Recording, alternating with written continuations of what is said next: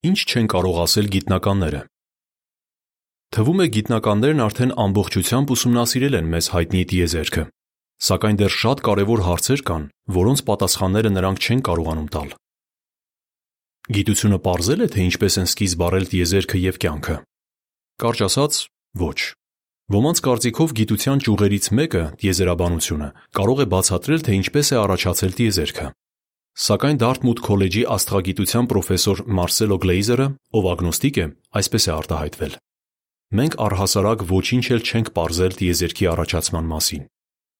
Science News ամսագրում կյանքի ցակման մասին նման միտք է նշվում։ Գուցե այդպես էլ չհաջողվի ողրզել, թե երկրագնդի վրա իրականում ինչպես է կյանքն առաջացել։ Երկրաբանական նմուշների մեծ մասը, որոնք տեղեկություններ կհայտնեին երկիր մոլորակի վաղ շրջանի մասին, վաղուց արդեն վերացել են։ Վերը նշված խոսքերը ցույց են տալիս, որ գիտությունը դեռ չի պատասխանել հետևյալ հարցին. ինչպես են առաջացել տիեզերքն ու կյանքը։ Բայց գուցե մտածեք, եթե կյանքը երկրի վրա նախագծված է եղել, ով է նախագծողը։ Հնարավոր է ձեզ նաև հետաքրքրեն հետևյալ հարցերը. Եթե գոյություն ունի իմաստուն ու հոգատար ստեղծիչ, ինչու է նա թույլ տալիս, որ իր ստեղծած մարդիկ տարապեն։ Ինչու այսքան շատ կրոններ կան։ Ինչու է նա թույլ տալիս, որ իրեն պաշտող մարդիկ այդքան վատ գործեր անեն։ Այս հարցերին գիտությունը չի կարող պատասխանել, բայց դա չի նշանակում, որ չեք կարող գտնել դրանց տրամաբանական պատասխանները։ Փաստն այն է, որ շատերը Աստվածաշնչից գտել են դրանք։ Եթե ցանկանում եք իմանալ, թե ինչու են որոշ գիտնականներ, որոնք ուսումնասիրել են Աստվածաշունչը, ասում, որ հավատում են Ստեղծչի գոյությանը, այցելեք jw.org կայք։ Որոնման տողում գրեք տեսակետներ կյանքի ցակման մասին։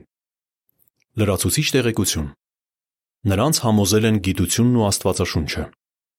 Գեորգի Կոյդան, քիմիկոս։ Իմ աշխատանքը ներառում է մոլեկուլներ հավաքելը։ Դա նման է շախմատ խաղալուն։ Պետք է մի քանի քայլ նախապես պլանավորես։ Եթե մի պահ անգամ շեղվես, արածը ջուրը կընկնի ու մոլեկուլը կկազմալուծվի։ Թեև աշխատանքս բավականին խրթին է,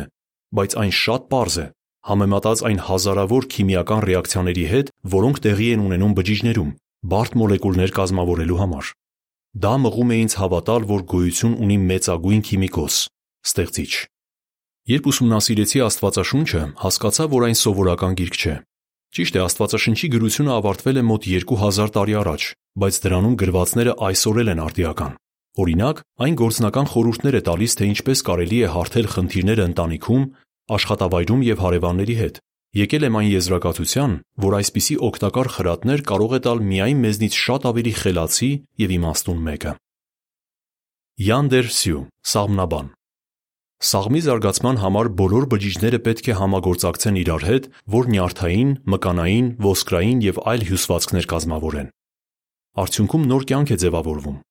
Մենք դեռ լիարժեքորեն չենք հասկանում սաղմի զարգացման գործընթացը։ Կարծում եմ, կյանքը բանական նախագծող ունի։ Մոր արգանդում սաղմի զարգացման նկարագիրը, որի մասին գրված է Աստվածաշնչում, Սաղմոս 139-ի 15-16 համարներում, իմ կարծիքով լիարժեքորեն համապատասխանում է վերջին տարիների գիտական բացահայտումներին։ Ինչպես կարող էր այդքան վաղուց նման ճշգրիտ նկարագրություն արձանագրված լինել, եթե այդ խոսքերը ստեղծիչը չհաղորդեր գրողին։ Հոդվացի ավարտ